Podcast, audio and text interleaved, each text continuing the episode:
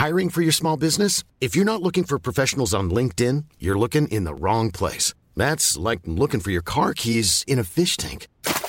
LinkedIn helps you hire professionals you can't find anywhere else, even those who aren't actively searching for a new job but might be open to the perfect role. In a given month, over 70% of LinkedIn users don't even visit other leading job sites. So start looking in the right place. With LinkedIn, you can hire professionals like a professional. Post your free job on linkedin.com slash people today. Ja, jag var på, i alla fall på väg till uh, utbetalningsluckan i lördags. Uh, det hela var ju, inte, kanske inte det där paketet med röda snören som du snuddade vid häromveckan, men, men i en liten ask, Åby Stora Pris, för Who's Who. Ja, jag lägger mig platt till marken. Moni Viking var ju enormt bra. Alldeles för bra för Hoso. Jag, ja, håller, jag håller med dig Henrik. Det var, jag satt hemma i soffan och sa till eh, mina närmaste att det här är ju klart. Tack. Ja, tack tack. Tack för kaffet. Ja. Men du fick eh, rätt till slut Magnus. Jo men det var ju en dyrköpt läxa för mig. Jag lärde mig ju där i Harpers att, ja, att, eh, att han går sådär. Moni Viking. Det är bizarra sista 700. Att man kan spida, spida så fort, så långt i ett så långt lopp mot en så bra häst. Ja, satt och tittade igår på, på Grand Prix-tävlingar från Sollentuna friidrott och såg när, när herrar och damer sprang 400 meter. Och då jobbar de vad de kan i 400 meter och så stumma ben som de har. Då tänkte jag på Modi Viking som bara matade i 700 meter. Det, är, det, det är faktiskt otroligt mäktigt att se. Ja. Henrik. Men visst trodde jag trodde också loppet var slut. Det får jag ju så säga. Jag tänkte att den här gången går det ju inte. Nej. Henrik, du säger att vi ställde oss i utbetalningskön i praktik i princip. Eh, jag måste berätta om en, en händelse från Jägersro när salig eh, Tore Ferdinand Pettersson, ni vet storspelaren som bland annat ägde vid Brante hos Bernt Lindstedt. Han älskade ju att spela eh, höga summor och han hade spelat nerv med Kalle Fylking i ett stejlopp på Jägersro. Om det var någon derbyrevansch eller något sånt där, det minns jag inte. Det var i alla fall 3000 meter. Och eh, kanske till och med, kanske bara 2,6. Nåväl. Eh, han spelade 5000 vinnare, hästen stod i fem gånger och eh, han sa där på läktaren att bara den tar sig igenom första kurvan så är saken klar. Och Kalle Fylking styrde till ledning eh, ut ur första kurvan. Då gick Tore Ferdinand och ställde sig i utlösningsluckan för att vara säker på att få pengar så att pengarna räckte. Och på den tiden fick man ju betala, spela på en sida av toton, eller i Totohallen och så fick man gå till baksidan och hämta ut pengar. Där stod då Tore Ferdinand i, i, i alla fall minst två varv utan att se något mer av loppet. Men saken var ju klar. Nu kommer attack ifrån Sugarcane Hanover som går mycket, mycket fort tycker jag. Det är så fort så jag tror att Kallit kan få svårighet att svara. Sugarcane Hanover vänder ut och in på fältet. Startbilen är i rörelse till Svensk travderby 1987. What the horse, what the driver, nummer ett McLobel och John D. Campbell. Maharaja la Suède, Maharaja s'est retrouvé, le flera tillfällen. Jag trodde att det var en av de bästa hästar jag hade tränat för. Jag tolkades på olika vis. Du behöver inte misstolka det längre, för det här är den bästa häst jag har kört och tränat någon gång. Ja men då hälsar vi välkomna till ett nytt avsnitt av Trottosports podcast eh, med mig Henrik Ingvarsson, Lennart Persson och Magnus Ståhlberg. Det var ju eh, som sagt, det blev ett jädra lopp av det här och bli stora pris. Det får de vara nöjda med, eh, arrangören. Har vi då två stora Prix d'Amérique-hopp här? Um Ja, Moni Viking absolut ett Prix d'Amérique-hopp. Eh, norskt Prix d'Amérique-hopp då. Jag läste någonstans att hästen skulle gå hem till Norge efter den här starten och laddas för vintermeetinget. Men eh, det vet man ju inte hur det blir med det. Eh, Hoso var ju i Frankrike i vintras och misslyckades totalt. Trivdes ja, inte precis. alls. Vill han åka dit igen, Pasiaik? Ja, det är frågan det kanske. Uh, han ser ju ännu bättre ut i år ändå. Så han kanske har... Ja, men eh, att han ser bra ut betyder ju inte att han trivs bättre om han kommer till Gråvargen. Nej, man kanske har mognat och ett ja. år till och sådär. Vi får se. Ja, men absolut, absolut är det intressant. Mm. Finns det något mer att säga om Åby Stora? Det blev ju en duell helt enkelt. Mellan två världsstjärnor tror, tror jag man kan säga. Lite roligt eh, hemmahästen där Pacific Face spurtade till femtepriset. Ja, just det. Ja, ändå uppmärksammade man uppmärksammade ändå, i, nu såg jag ju ATG live där lite grann, där man eh, ja, heja och hoa och hurrade för, för eh, Cyber Lanes prestation där. det var den som gjorde loppet bakom, bakom den här duon då. Men, men precis som du säger, Pacific Face var ju inte stort slagen, går i princip exakt lika men med bättre fart över mål. Men det var Cyberlane som var grejen och nu, var, nu är det dags. Nu har det lossnat för Cyberlane. Alltså, ja, det ska Så bli intressant. Man ser olika. Man ser, Magnus, man ser det man vill se. Så är det. Jag kan säga att jag tyckte det var lite, det var tråkigt tycker jag att se Make the Mark som ju eh, Ja, han var ju i alla fall fyra in på upploppet, försökte ju gå med i rygg på Moni Viking där, men jag tror han var han sist eller möjligen näst sist i mål. Det, han får inte riktigt till det, Make the Det mark. kostar att försöka följa är Viking. Så är det, så är det. Jag hade nog inte gjort det bättre själv. ja, men det kostar att vara med i alla stora lopp utan att ha riktigt den där formen som krävs. Och Make Mark har ju... Det var ju ett tag sedan han visade, sin bäst, visade sig från sin bästa sida. Han har tjänat väldigt mycket pengar. Va? Han är väl kanske Maharajas vinstrikaste son. Vi kan ju påminna dig att ettan och tvåan i Åby Stora är efter just Maharaja. Mm. Ja, det gick bra för Maharaja ändå, även om inte Make the Mark så är det. fick till det. Ja, absolut. Och sen kan vi då nämna i sammanhanget... Ja, Maharaja fick ju aldrig chansen själv i Åby Stora eftersom man då kluddade med kort distans några år när han var som bäst. Ja, just det. Ja, precis. Elegantima sju raka tre, den här treåringen som tränas i Norge av Gundersen, familjen Gundersen. Är ju också efter Maradja så det var en strålande vecka. Han vann ju det här British Crown-loppet i Mantorp i onsdags. Sju, sju starter, sju segrar och kanske är kriteriefavorit. I så fall kan det bli en unik händelse.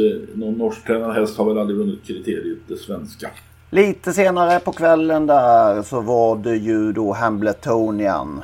Och vi fick ett sto som vinnare. Ganska väntat. Hon var ju favorit. Ja, och, eh, Men det här är något alldeles, alldeles extra alltså. Hon såg bättre ut i finalen än i kvalet tyckte jag. Då, i, i, försöket, eh, eller kvalet, då, då, var hon lite racklig i trav. Nu var hon ju fantastisk. Och den här gången lämnar han inget åt slump, slumpen. Andrew McCarthy, den australiensaren som gör succé i USA. Det är den här stor, mamman där, det är ju alltså Lookdown Lindis. Det är första avkomman det här till som hon har lämnat helt enkelt. Ja, det var en imponerande. En häst som gjorde 16 starter och vann, tjänade 167 000 dollar blott. Så blott. Fin start i avelsboxen. Ja, med deras mått mätt.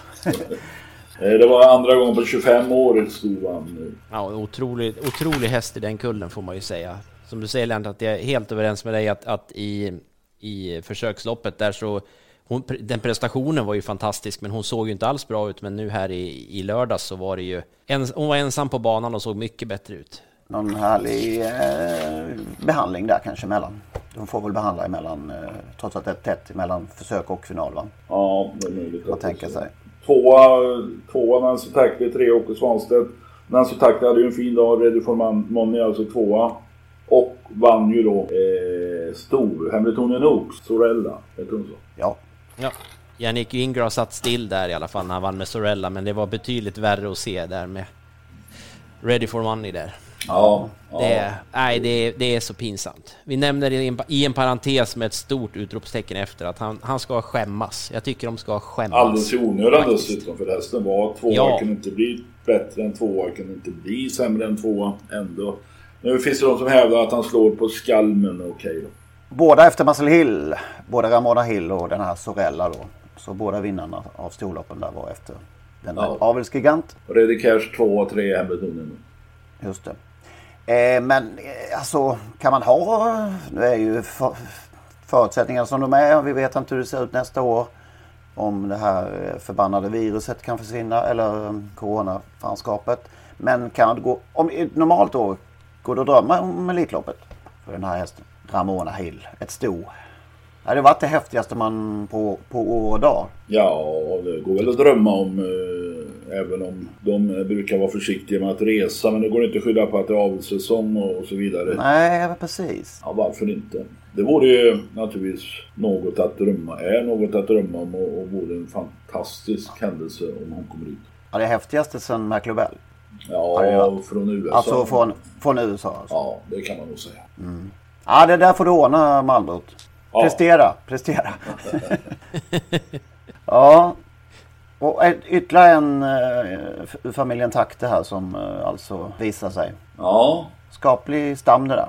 takter eh, Bo William eh, har eh, avlat, eller ja, hela stamträdet här är ju bra. Jag hoppas Bo William är så pigg så att han kan glädjas åt barnbarnens stora framgångar nu och blir illamående när jag tänker på att Bo William inte är invald i Hall of Fame. Fortsatt, ja.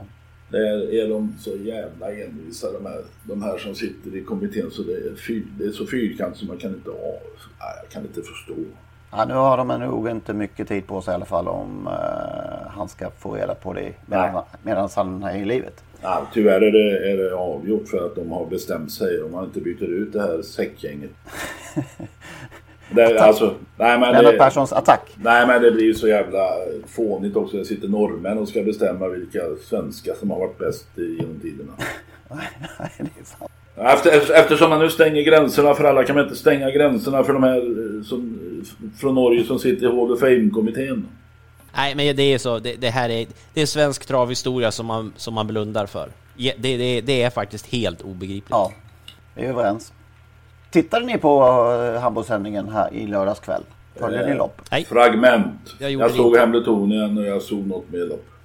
Och då var det Meadowlands referent som stod för eh, grannlåten, eller? Ah, Daniel Olsson heter han. Ja, de körde svensk. Eh...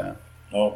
Daniel Olsson. Ja, Daniel, Daniel, Daniel Olsson. Annars var det väl Ken Workington som refererade loppen på, på eh, Meadowlands i lördags. Men det var det Men inte. däremot, nej. nej. Nu måste vi eh, korrigera här.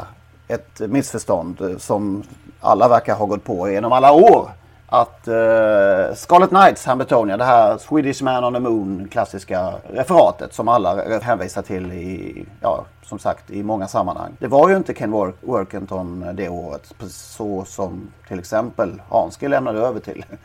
Night med gulklädd kusk Stefan Tarsa Melander från ett perfekt utgångsläge, spår 4. Det är dags att lämna över till Meadowlands referent Ken Workington. Varsågod Ken. Nej, han visste inte vem Varsågod Ken. Varsågod Ken. hörde man ju där i, i uh, sändningen där. Men det var ju Sam McKee hette ju den mannen som under många år refererade på, på Meadowlands. Inte Ken Workington. Just den Sam som bara 54 år gammal fick lämna jordelivet 2017 för ung ålder. Han fick en stroke och kämpade sen med komplikationer med den och klarade inte det helt enkelt. Så nu har vi rätt ut det.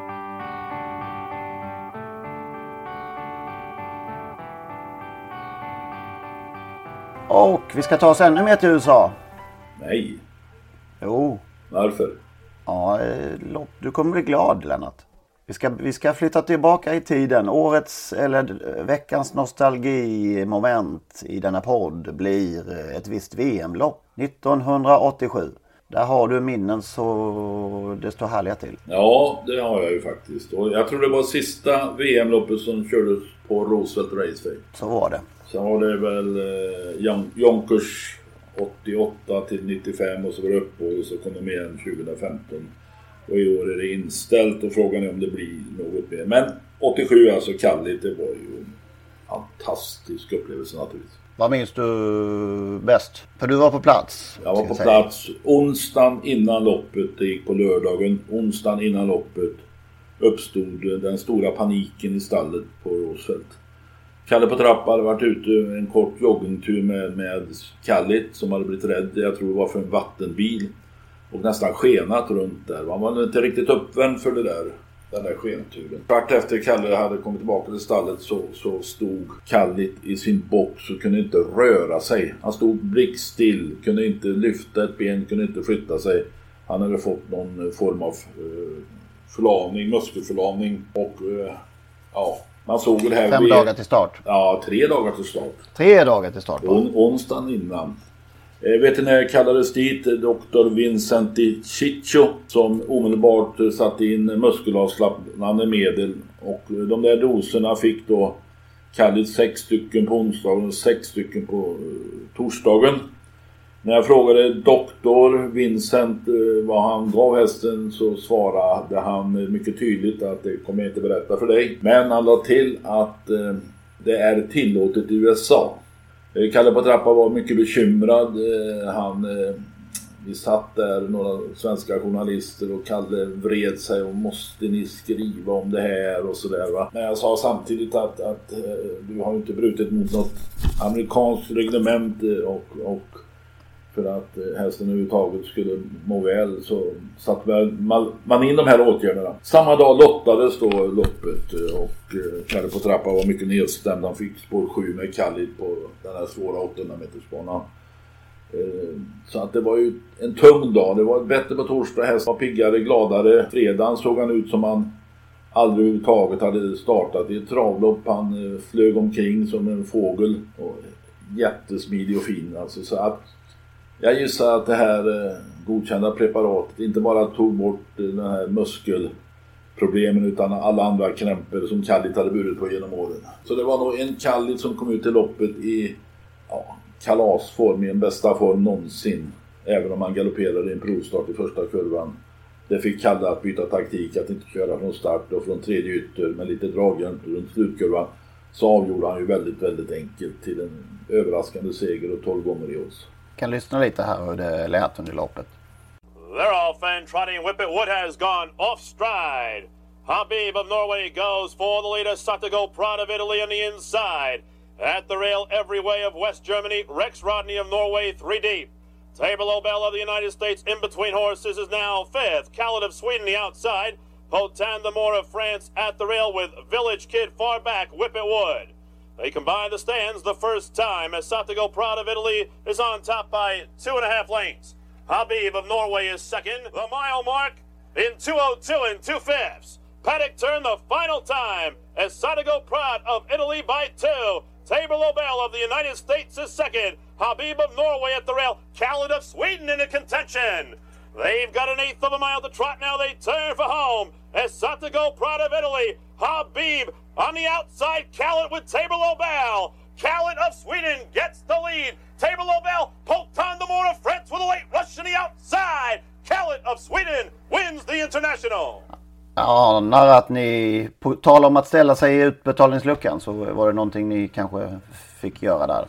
Ja, det, det tror jag. Ja, men eh, framförallt så hade vår gode vän Lars Tåa Nilsson, legendarisk eh, hästsportjournalist eh, på Värmlands Folkblad var ju med på den där resan. Han var utskickad av Värmlands Folkblad.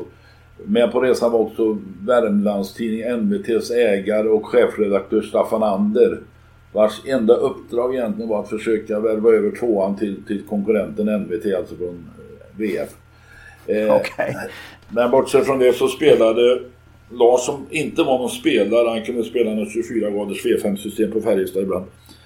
10 eh, dollar på Kallit. Och eh, hästen gav väl 12 gånger. Och innan loppet sa han den här, den här bången, den här lappen, den ska jag rama in och ha på väggen hemma. Och sen då när man kom till, ja, när 12 gånger 120 dollar ska man verkligen rama in en eh, totobong som är värd eh, 120 dollar. Ah, Lars eh, lät plånboken styra det där så att han har ingen, hade ingen Tottebong med sig men han, hade, han vann i alla fall. Det festades på kvällen där också lite grann. Alltså Rex Rodney var ju Norge. Eh, Habib hade vunnit året före med Thoresen. Eh, var med igen. Eh, inte i samma form. Rex Rodney var ju norrmännens stora hopp. Han hade spår 6 innanför Kallit men Kjell Håkonsen hamnade risigt in från start i tredje spår runt första kurvan. Kom inte ner någonstans och fick backa sig sist. Så norrmännen var ju sänkta kan man säga. De hade ju räknat med seger för sin konung Rex Rodney. Eh, och eh, det där loppet sändes ju direkt till Momarkens travbana bland annat med en timmas fördröjning. Så det pågick ju visst spel där i Momarken-lokalen och de som hade lite koll de visste ju att Kallit redan hade vunnit och att Rex blev bland slag. Men på, på, festen efteråt på kvällen där så eh, kom Thoresen dit och gratulerade Karl och Johansson och sa, sa att, eh, på något, ja, något sätt att, att du körde ett fantastiskt lopp Kalle och jag gratulerar verkligen. Och, att först vinna VM-loppet och sen få en sån uppskattning av världens genom tiderna bästa kusk. Det är ju inte dåligt. Gjorde ett reportage om eh, detta lopp och Kalle Johansson eh, för några år sedan och då mm, mindes han att det här var väldigt, väldigt stort. Att det var kanske inte som att vinna ett elitlopp men alldeles snäppet under. Det var ju under den tiden då VM statusen var väldigt hög också. Och att det var eh, stor mottagning på flygplatsen när han kom hem eh, hemma i, i, i Värmland där. Så hela, hela Värmlands hjältar var de ju när de kom hem där, Kallit och trappa. Det var ju stort det här, alltså eh, under några år, jag vet inte hur många, men bland annat det här året så direktsände ju faktiskt, de här radion direktsände ju det här. Alltså jag spelade in det på kassettband, det var mitt sätt att, jag fick inte vara på plats, jag var alldeles för för ung för det, men, men eh, Lasse Kinks referat, eh, det har man ju hört tusen gånger tror jag. gjort. Ja. Men det var ju otroligt stort alltså, att, att vara uppe mitt på natten där. Ja, jag minns det... inte exakt vad klockan var, men det var väldigt sent för mig. Jag var trött på den tiden på nätterna. Men... Ja, jag tror att det var vid fyra, tre, fyra snår ja. någonting på natten. Och det var ju samma ja. där med Legolas ja. 1983. Då satt man ju också klistrad. Fantastiska uh, minnen. Nej, jag minns det här för att jag var ju, jag hade ju ställt klockan och, och för att eh, lyssna, men, men, också då spela in det på band. och det jag minns är att jag, jag, jag vaknade ju och eh, satte igång bandspelaren, men det var ju så lång sändning innan, de babblade ju som fasen innan det var dags för lopp. Så att jag, jag hörde aldrig loppet live, utan jag fick sätta på bandet på morgonen och spola tillbaka och lyssna hur det hade gått då. Okay. Men det var väldigt mycket försnack där i. Khalid var en V60, följ, V65 följetong under många, flera år. Han vann ju sju V65-lopp det var på den tiden, innan V75 alltså. Utav de sex guldfinaler. Ja visst, Må mm. många stora lopp i, i Sverige också. Årjäng Stora 87, 88, Hugo Åbergs 88, Olympiatravet 87, Årets häst 87 och 88. Tjänar 8,5 miljoner. Mm. Jag tror att, eh, om jag minns jag rätt, så var det Stora treåringspriset han vann 84, var han född 81? Jag minns inte fullt ut, men det är i alla fall det första storlopp som jag såg live på Romme, Stora treåringspriset där. Mm. Så jag, jag har någonstans någon, någon uh, suddig bild på, på tagen med dåtidens enkla kameror, men, men det minns jag. jag. Tvåa i kriterier, men ströks inför derbyt på grund av en hovböld. Låt, låt mig berätta om ett besök hos uppfödaren Sigurd Nilsson i Töcksfors. Vi var på väg ifrån Jarlsbergs Grand Prix som Jim Frick hade vunnit med Perfect Rib efter en hård kamp med Habib. Och han skulle köra en kustmarsch i Årjäng på måndagskvällen. Vad skulle vi göra under måndag? Ja men vi åker hem till Sigurd Nilsson i Töcksfors och så åkte vi dit. Och han hade då två eh, ettåringar gick i hagen där. Det var en helsyster till Khalid som heter Kalitra. Och en eh, häst efter Smoking Yankee som heter Lemink, om jag minns rätt. Ja, men det, vi var ett gäng där. Ja, men de, vi, vi, köper den där Kallit-systern. Då berättar Sigurd att, att vid ett annat tillfälle hade person, ett par varit här och skulle köpa en av hans avkommor. Det var Kallit och så Lemings bror eller syster vad det nu kunde vara. Och de valde fel. De valde den här Lemink-brodern eller systern. Och Kallit blev kvar då till familjen Kristen som, ja, som ägde Kallit sen. Och då sa Lars Lindblom som var med, det är lika bra vi köper båda två då så det inte blir något kludd här va. Ja, affären gjordes upp. Eh, Lindblom tog fram sitt checkhäfte och skulle betala men Sigurd Nilsson ville inte ta en check. Nej, vi får åka in till banken. Åkte in till banken, det var Sparbanken i Töcksfors. Och där satt en ensam kamrer och, och Eh, Sigurd Nilsson ville då ha kontanter bytta mot sin check. Eh, då visade det sig att när, när, han hade räknat upp 165 000 som inte räckte till riktigt så var pengarna i bankens kassa slut. Hur fan gör vi nu då? Jo, jag, då stängde han banken, låste dörren och gick över till Konsum och lånade de återstående tusenlapparna. Vi åkte hem till Sigurd Nilsson och la pengarna på köksbordet. Kalitra kom för övrigt aldrig till start och Lemink spabblade in 160 000 och sånt där. Inte ens det. Det var ingen bra affär. Nej, det var, det var det inte. Ja, det är mycket... Det var en annan tid här nu. Den här bankkonsumhistorien och sen eh, det här med att eh, Nordmarken folket kunde spela när loppet var kört. Ja. Det, ja, det, det, det var annorlunda, så kan man säga. Ja, det, var, det var andra tider även när det kommer till segertid, för att det var 1984 som, som, som Kalit vann och han vann alltså på 16 och 4, 1640 meter bilstart. Mm. Det var det första stora treåringspriset som kördes och det är ju numera E3. Ja, och E3, det går betydligt fortare nu. Jag tror inte han hade, han hade inte fått kommit ut på banan och varit med än som han hade kommit nu. Ja, häftigt att minnas i alla fall. På tal om det ska vi, vi um, tappade ju bort två uh, lite händelser för förra gången. Dels att då Sebastian K har lämnat jordelivet och och eh, dels att Bold Eagle har gjort sin sista start. Eh, det här är ju hästar som är värda att beröra lite grann och minnas tillbaka till. Jo. Vad är, vad ska vi säga, om- till vi börjar med Sebastian K.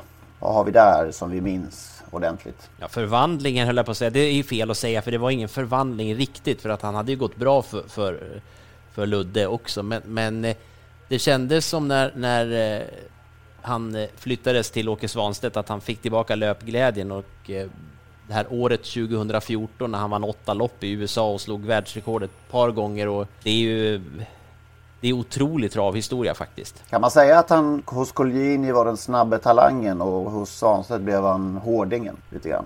Ja, det är möjligt. Eh, Framförallt betydde han ju oerhört mycket för Svanstedts etablering i USA naturligtvis. eh, Att han hade med sig den hästen dit och som Magnus säger fick slå flera världsrekord.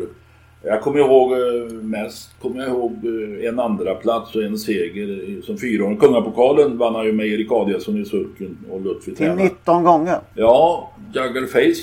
Eh, Erik Adielsson tog ledningen, släppte till Juggle Face. Fick Mindwise As utvändigt. Eh, sista kurvan, eh, 300 kvar. Drygt kanske. Så galopperade Juggle Face och... Eh, Aldrig har Colgjini galopperat ur fältet eh, på ett mer eh, ja, det gjorde han oerhört snabbt. Och, eh, Sebastian K fick då gratislän. Han hade ju tagit sig förbi. Det var väl Open Search redan då. Kanske Ja, det var det. det var det. Jo, det var det tror jag faktiskt. Sen kommer jag ihåg den här andra platsen i Europaderbyt i Le Cros. På Le Cros La Roche. Där han fick stryk av Mindwise House. Där stod han i 30 gånger. Sebastian K var mycket duktig som tvåa. För Dominique Lockenö. Ludde körde själv Joke Face som upp. Han satt ju fast där länge Sebastian, han fick ju aldrig Nej, riktigt nej, chansen så- egentligen så kan man var det. säga. Så att det, det var ju en, som sagt, det, var, det är fel att säga att som jag sa en förvandling, det var det ju inte riktigt för att han hade ju, han hade ju gjort det bra redan innan där men som sagt det, det här Nej. fartfenomenet som han blev i USA, det var ju, han var ju fullständigt överlägsen också. Han lekte ju med dem varenda gång. Jag skulle vilja säga att det brukar heta att eh, det här är en riktig travare liksom. Men Sebastian K, det, jag, jag kan nog ta till de orden att det är travarnas travare. Ja, Okej. Ja. Ja. Vilket, eh, nej, men vilken naturlig gång. Och, ja eh, effektiv, effektiv stil alltså. Ja. Och hackade liksom aldrig. Det var väl någon gång i ett Obestora, eller eh, ja det Obestora var det väl som han var lite ofräschigt i ett skiljehytt. Eh, som man kanske tog någon, något snedsteg. Men annars så var han ju ja, fantastisk eh, aktion alltså. Eh, jag minns kanske ett, ett par andra platser starkast. Kanske debuten för Åke Svanstedt när han borde kanske ha vunnit Hugo Åbergs. Om det inte vore för en alldeles för bra Commander Crow. Sa jag inte kanske. Jag vet inte. Men eh, eh, det var ju osannolikt hur bra Commander Crow var den där kvällen. Det var debuten för Åke Svanstedt. Och sen när han förlorade knappt mot Prince Tag i jubileumspokalen i den där härliga duellen och Ralf Karlstedt fick vinna. eh, Jag minns att de åkte runt banan där sida vid sida, Colgjini och Karlstedt och, och medan de väntade på resultatet. Det var en, eh, en vacker, vacker kväll också. Och Colgjini sa efteråt någonting sådär att om jag ändå skulle förlora är jag glad att jag gjorde det till just Karlstedt. Ja men exakt, det var något väldigt fint över, över den stunden faktiskt. Och satte han ju världsrekord då som sagt. Vi kan ju väl lyssna lite grann på det. Top of the stretch, Sebastian K. It's all just a matter of how hard Svanstedt wants to push it now. Way back to Modern Family and Market Share. Sebastian K. Watch the timer now. Sebastian K. to the line. 149 flat. The Trotter. A command performance here. Ja, världsrekord har vi pratat mycket om här. Men det, det är i, podden. Och eh, även, eh, vilket år var det här? Så han satte det här. Det, är 20, det här är 2014. Han, han slog ju världsrekord två gånger det året Mm. och det här är ju, referatet är ju från när han, när han vann på eh, 149 flat, som referenten säger där, 107,7. Och Det är, en det är alltså, när travsport är på det här sättet och när till och med referenterna tappar fattningen lite och blir så, det, det är ju, han är, man hör ju, det här är det ju lite, det är det här världsrekordhysterin lite grann. Det är ju en fråga om hur fort Åke vill köra och bla, Ja, det. Det låg ju i luften naturligtvis, men, men eh, det blev ändå mycket bättre. De har kanske det Ja, kanske mer i sig fortfarande, amerikanerna, om man jämför med, med oss då kanske. Ja, så är det. Det Ja, tror vi har jag. tappat Vi har det. tappat det lite. Ja, det har vi gjort. Nej, det slår så jävla många rekord nu. Exakt. ja, Härligt citat alltså, fy fan. Eh, men på tal om att tappa det då så kan vi väl lyssna på ett eh, Bold Eagle-referat också. Men det är fem Bold Eagle som leder när upploppet återstår. Delicious US kan inte försvara sig. Resolve provade bakom, men titta på Bold Eagle! Bold Eagle har krossat dem i det första försöket, försvinner ifrån konkurrenterna och passerar mållinjen där! Oj, oj, oj! 1.08,3! Åh herregud. Vänta Micke. Patrik, vad sa du för någonting? Ja, 1.08,3. jag är helt... Jag är helt borta. Det här var alltså det där försöket, eh, vad pratar vi nu, 20, de här sista åren? 2017 17, 17, är vi då. Ja. ja. Det går fort, men 2017 ja, var det. Han vinner alltså på 8 och 3 va? Eller var det 8 och 6? Nej, 8 och 3, det är, det är, de får ju repetera det Ja, det. för säkerhets skull också. Då. Eh, och det är nätt och jämnt att, att eh, Patrik Skoglund klarar av att upprepa vad han nyss har sagt. Där. Luften tog slut lite där efter den Jag har ju prestationen. lyssnat och läst om det här och alla ska minnas Bold Eagle och just det här loppet. Men vad fan. Att vinna ett försök, och alltså att vinna en rond. En boxare vinner en eller två ronder men det gäller att vinna matcher. Ja, de var, de var lite övertända i försöket, så kan man säga. Ja, han vann ju. Ja men efteråt här nu att det var ju så. Ja det är klart att han sprang fort. Han gjorde ett fantastiskt lopp men det eh, sänkte ju honom också inför finalen så att jag, jag har svårt att ta till mig det där. Okej det var en häftig upplevelse men det blev ju liksom inget resultat av det. Nej, man förstår ju att i stunden där att jag själv var jag nere i Rom just den helgen så jag upplevde det inte själv. Men eh, jag kan tänka mig att just den, i den stunden så var det ju något alldeles märkvärdigt. Alltså hästarna var väl två Prix d'Amérique som man gärna minns då. Och framförallt minns man dueller med Ridley Express även om man då fick stryk knappt. Eh, och det är, ju- det är ju mycket större prestation än att vinna ett försök i, till en final. Jag, jag, jag, har jättesvårt Nej, för du- det. Du köper inte det? Nej, det är klart att det, han sprang som en dåre där men Nej, det, det, det är ingen som... Det kan man ju minnas möjligen men det är, det är inte någon av hans största prestationer genom karriären. Han är, han är uppenbart Frankrikes näst mest vinnande häst när det gäller pengar men det saknas väldigt lite till eh, Timo K och, och eh, om Propulsion raderas så lär väl den här listan skrivas om då. För, Ja, ö- det, för övrigt avslutade han med en fjärde plats då eh, för en dryg vecka sedan i Mons i Belgien och, och man ska vara evigt tacksam för att han äntligen fick sluta för det var ingen vacker syn att se Bold Eagle. Nej, inte den lysta. Alltså, det, han körde pojken, eller lärlingen, där pojken var fel ord. Lärlingen körde försiktigt och, och insåg ju naturligtvis att han att han bara skulle ta sig runt. Men det var inte... Nej, banan kanske inte var jättebra men tack för att han fick sluta säger jag.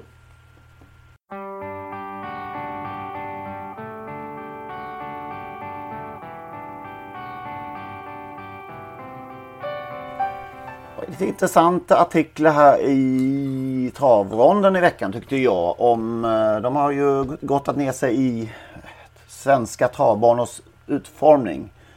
Eh, om de är eh, förlegade eller om de inte har hängt med i utvecklingen. Och det är väl så det kanske har. Alltså hästarna springer så ofantligt mycket fortare idag. Men banorna ser i princip likadana ut.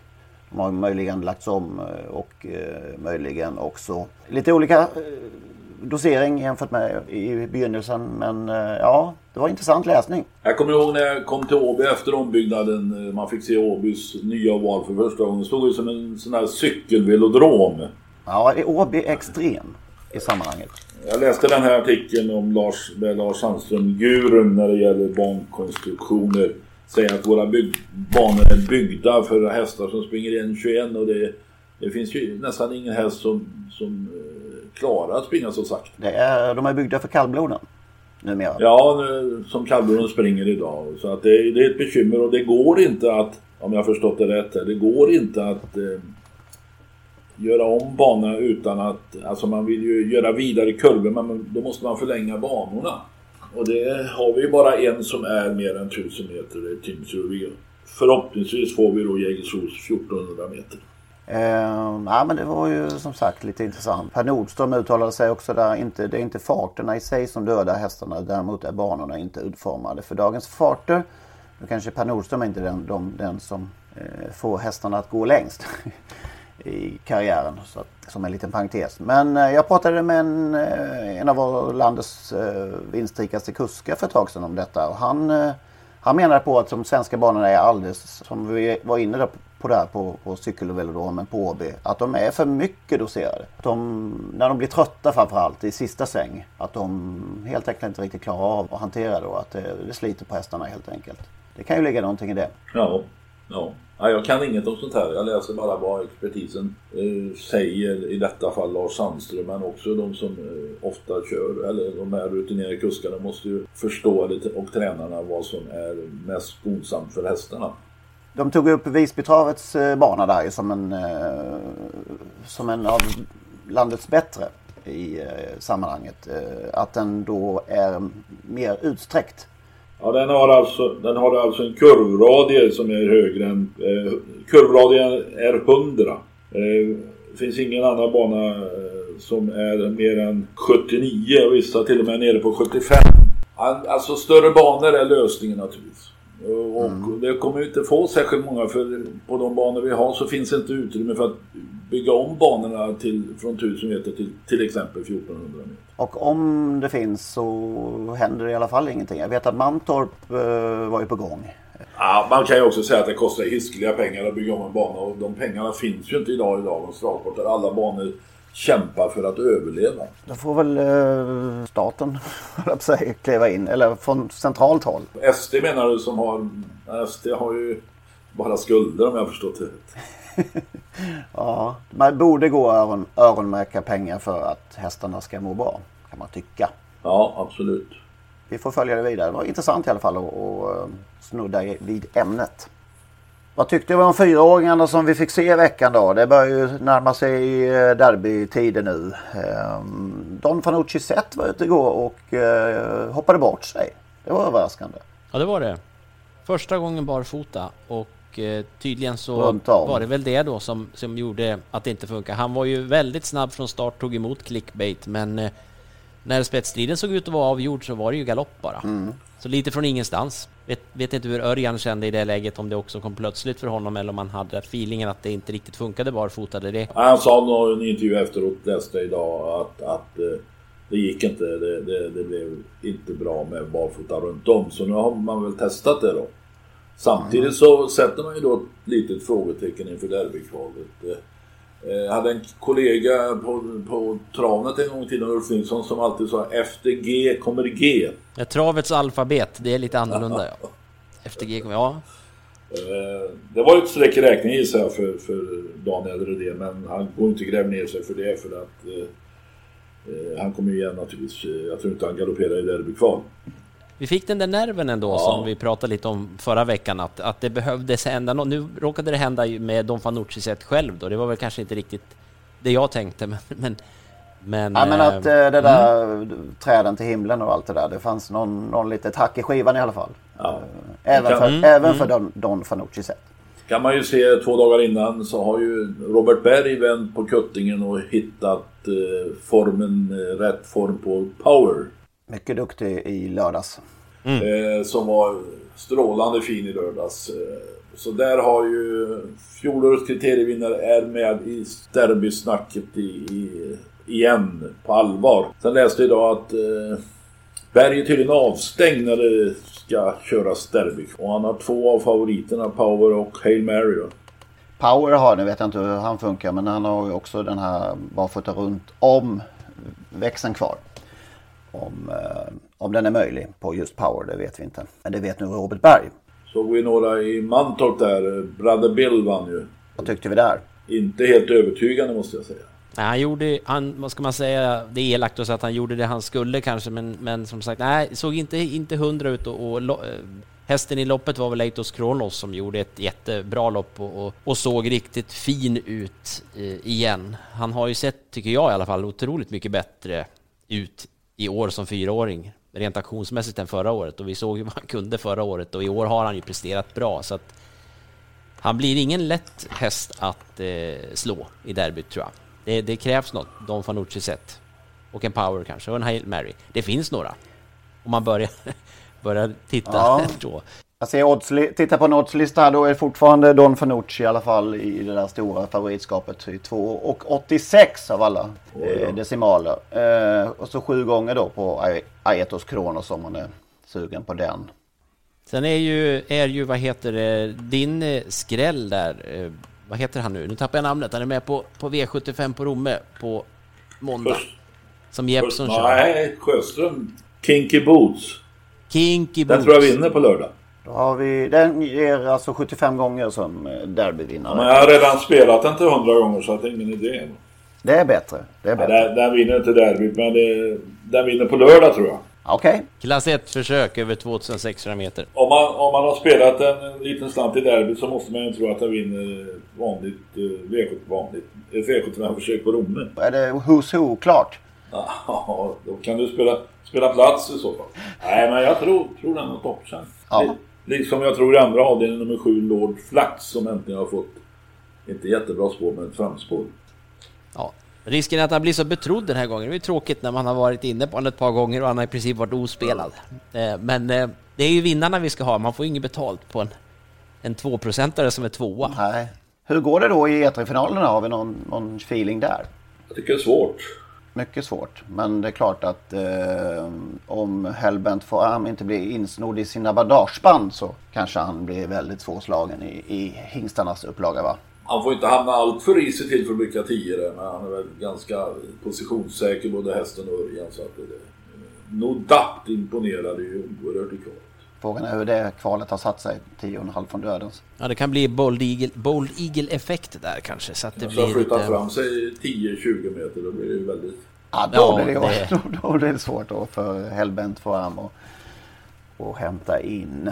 Leif Ittas eh, hoppas jag innerligt vinner eh, Stornas. Leif har en, en eh, på flera sätt orolig lördag framför sig. På, på lördagen, ja, på klockan 12 begravs ju hans svåger och kanske bäste vän Jim Frick och sen några timmar senare ska han köra E3-final. Mm. Den är alltså på lördag, eh, minnesakten där för Jim. Klockan, vad sa du? Ja, begravningen 12 och minnesakten 13. Och det, begravningen sänds faktiskt på nätet också. Den går att titta på. Mm. För den som vill vara med där. Jag, jag tror att Jim sitter på Leifs axel på lördag. Ja, Och hjälper honom att vinna den där E3-finalen. det vore vackert.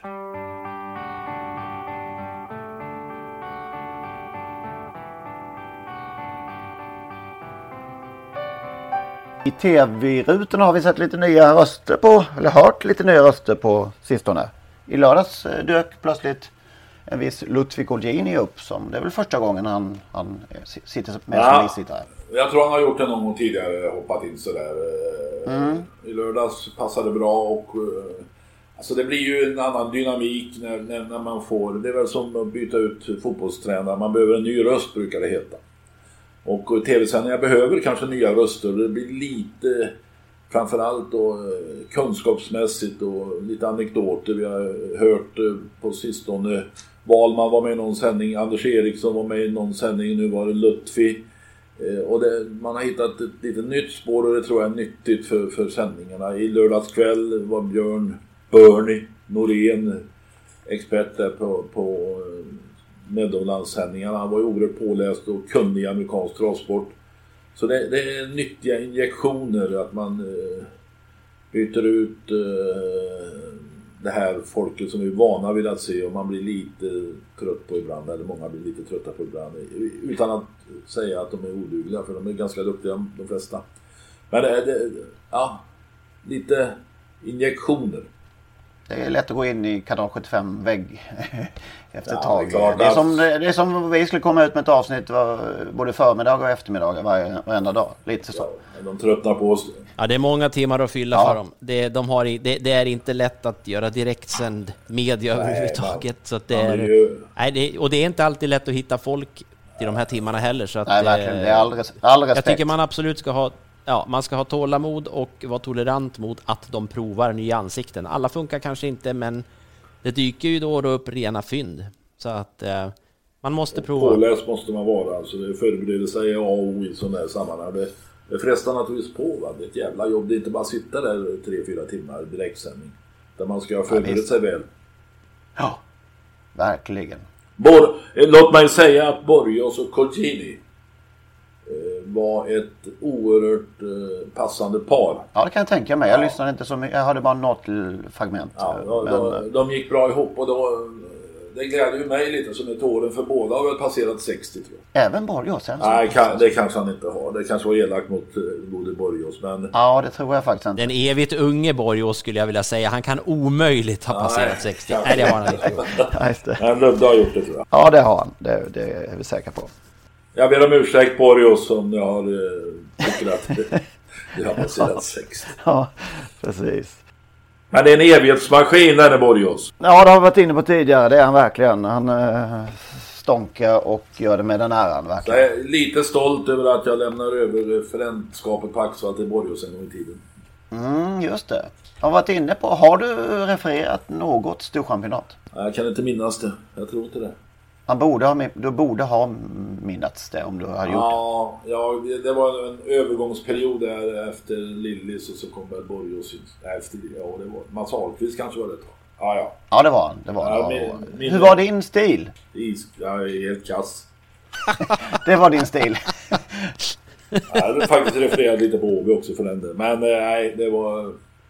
Men var du den här som höjde rösten eller var du Tommy Åström-stilen? Om du förstår vad jag menar. Ja, jag höjde nog rösten när det befog, var befogat. Inte mitt i loppen. Nej. Vilken är Sveriges bästa just nu? Banreferent? Vanlig. Och en ba- Ja, Patrik Nilsson är ju stabil. Mycket stabil. Mm. Men, Ja, han är ju väldigt, väldigt korrekt. Jag, jag- måste backa lite till Borgås. Vi pratar om att vara förberedd. Det finns väl ingen i travhistorien som har varit så förberedd när det gäller hästarnas statistik i spets. Nej. Det finns inte ett referat han inte vet exakt hur många starter hästen har gått i ledning och hur många gånger det han har hitta sin nisch. Det är, det är hans grej. Ja, det är han Lars. Ågren på Axvall gillar jag faktiskt. Lars Ågren på Axvall. Okej. Då drar jag till med att jag tycker att Mats Ahlqvist är den bästa. Just nu. Ja, du håller alltid på Jägersro. det Han, han, han började ju på Åby och Axvall så att jag tyckte om honom även då. Ja, men eh, det- det- vi måste komma nya. Den här Stefan Perssons pojk Alex Persson som refererar på Vaggeryd ibland. Han är intressant. Han är bara 16 år. Och så borde ju eh, Mattias, Mattias Bante borde ju få en egen bana. Fast Ja, plats. Nej, Spante, jag nämnde inte honom. Det, var mitt, det är mitt förslag. Jag tycker att han kunde få, få betydligt fler banor. Han började ju... Började ska jag inte säga. Han gjorde mycket Romme. Han gjorde mycket Romme tidigt. Eh, eh, och jag var inne och pratade med honom. Det, det är kul ju med nya. Nu har vi sagt det några gånger, men det är roligt och, och eh, oerhört noga innan. Det, där snackar vi om att förbereda sig. Viktigt att veta vad hästarna heter. Eh, att man inte säger fel och sånt. Han var, ja, det, det gillar Ja, jag. men inget ont, inget ont om Patrik Nilsson men eh, Solvalla skulle behöva en egen eh, exklusiv referent och eh, då, före, då föreslår jag Mattias Bante till Solvalla. Ja, kanske han. Jag tycker mycket, ja nej jag håller med dig, Patrik Nilsson är ju jättebra men, men det är kul även här att vi får lite Får omväxling och att det går att ha lite, höra på referenten var man är Exakt. någonstans. Det är ju faktiskt, det, det, det gör Det väldigt, håller jag med mycket. om. Nu slänger jag med en fråga. Vilken var den första bana som över, överhuvudtaget hade en banreferent? Den kan jag. Halmstad. Halmstad? Ja. Jag är nästan säker. Jag är nästan säker på att Åby hade innan Halmstad ens fanns i tankarna. Nej, jag skojar. Är Halmstad först? Är det någon som kan det? Är det någon där ute? Någon där ute kan ju detta. Eh, om de tror att de vet bättre än jag om detta så, så eh, eh, mejlar man ju till, se här, podcast.trottosport.gmail.com podcast.trottosport.gmail.com Jag gissar på Bengt Simpson på Åby. Okej, ja just det. Där lämnar startbilen fältet. Ja. Ja. Eh, förutom eh, mail så kan man ju följa oss på Twitter eh, och Instagram. Twitter heter vi Trottosport1 och på Instagram bara Trottosport. Så följ oss gärna där. Vi lägger upp eh, rikligt med bilder och eh, med lite roliga grejer. Och eh, inte minst så kan man ju sponsra oss, stötta oss. Det skulle vi vara väldigt tacksamma för. Man går in på patreon.com P-A-T R-E-O-N.com Kan du bokstavera? Jag gjorde just det. Nej, Petter E. Jaha, du menar, ja just det. Men där söker man då på Henrik Ingvarsson och så går man in och donerar eh, för varje avsnitt som man, eh, ett valfritt belopp. Det Donera låter jävligt högtravande. Ja, det står, de heter ju det. Där, Donerar. Bi bidrar skulle jag vilja säga. Bidrar säger vi. Stöttar. Sponsrar. Ja, supportar. Där satt den. Och då bara för att vi ska få några kallblodssupporters då med oss så ska vi nämna kallblodskriteriet. Ja. ja. Brännebas. Öystein Tjomsland, nye kallblodskung. Han har tagit över efter Persson. Ja, visst. Vinner alltså kriteriet med en häst som i kriteriet gör sin tredje start i livet. Ja, det är ju fantastiskt. Vad var, vi, vad var segertiden? 26 och 0. Oj, oj, oj, oj, oj, oj. Det var annat det... än på Lappnils tid. Han klar, doseringen klarade hans hastighet. men, men, har, jag, har jag läst rätt? Oskar Kjellin Blom tvåa. Och han Stämmer. som var avstängd och avstängd igen. Och sen helt frikänd. Vilket spektakel för ingenting. Ja, det, det, alltså man borde stämma de jävlarna höll jag på att säga. Men alltså man drog honom i smutsen. Jo, fullständigt i onödan. Ja faktiskt. Det, det, får inte gå till så. Det får det inte. Men han upprättelse genom att bli tvåa. Maxplacering om jag förstår det rätt. Mm, ja, det var ingen tvekan. Brännebas är eh, helt överlägsen i, i kullen. Väldigt spännande häst. Då tackar vi för den här gången och eh, hörs om eh, sådär sju dagar igen då. Så håller vi på Leif Vitas på lördag allihopa tror jag. Ja det gör vi. Ha det gott! Hej hej! Hej!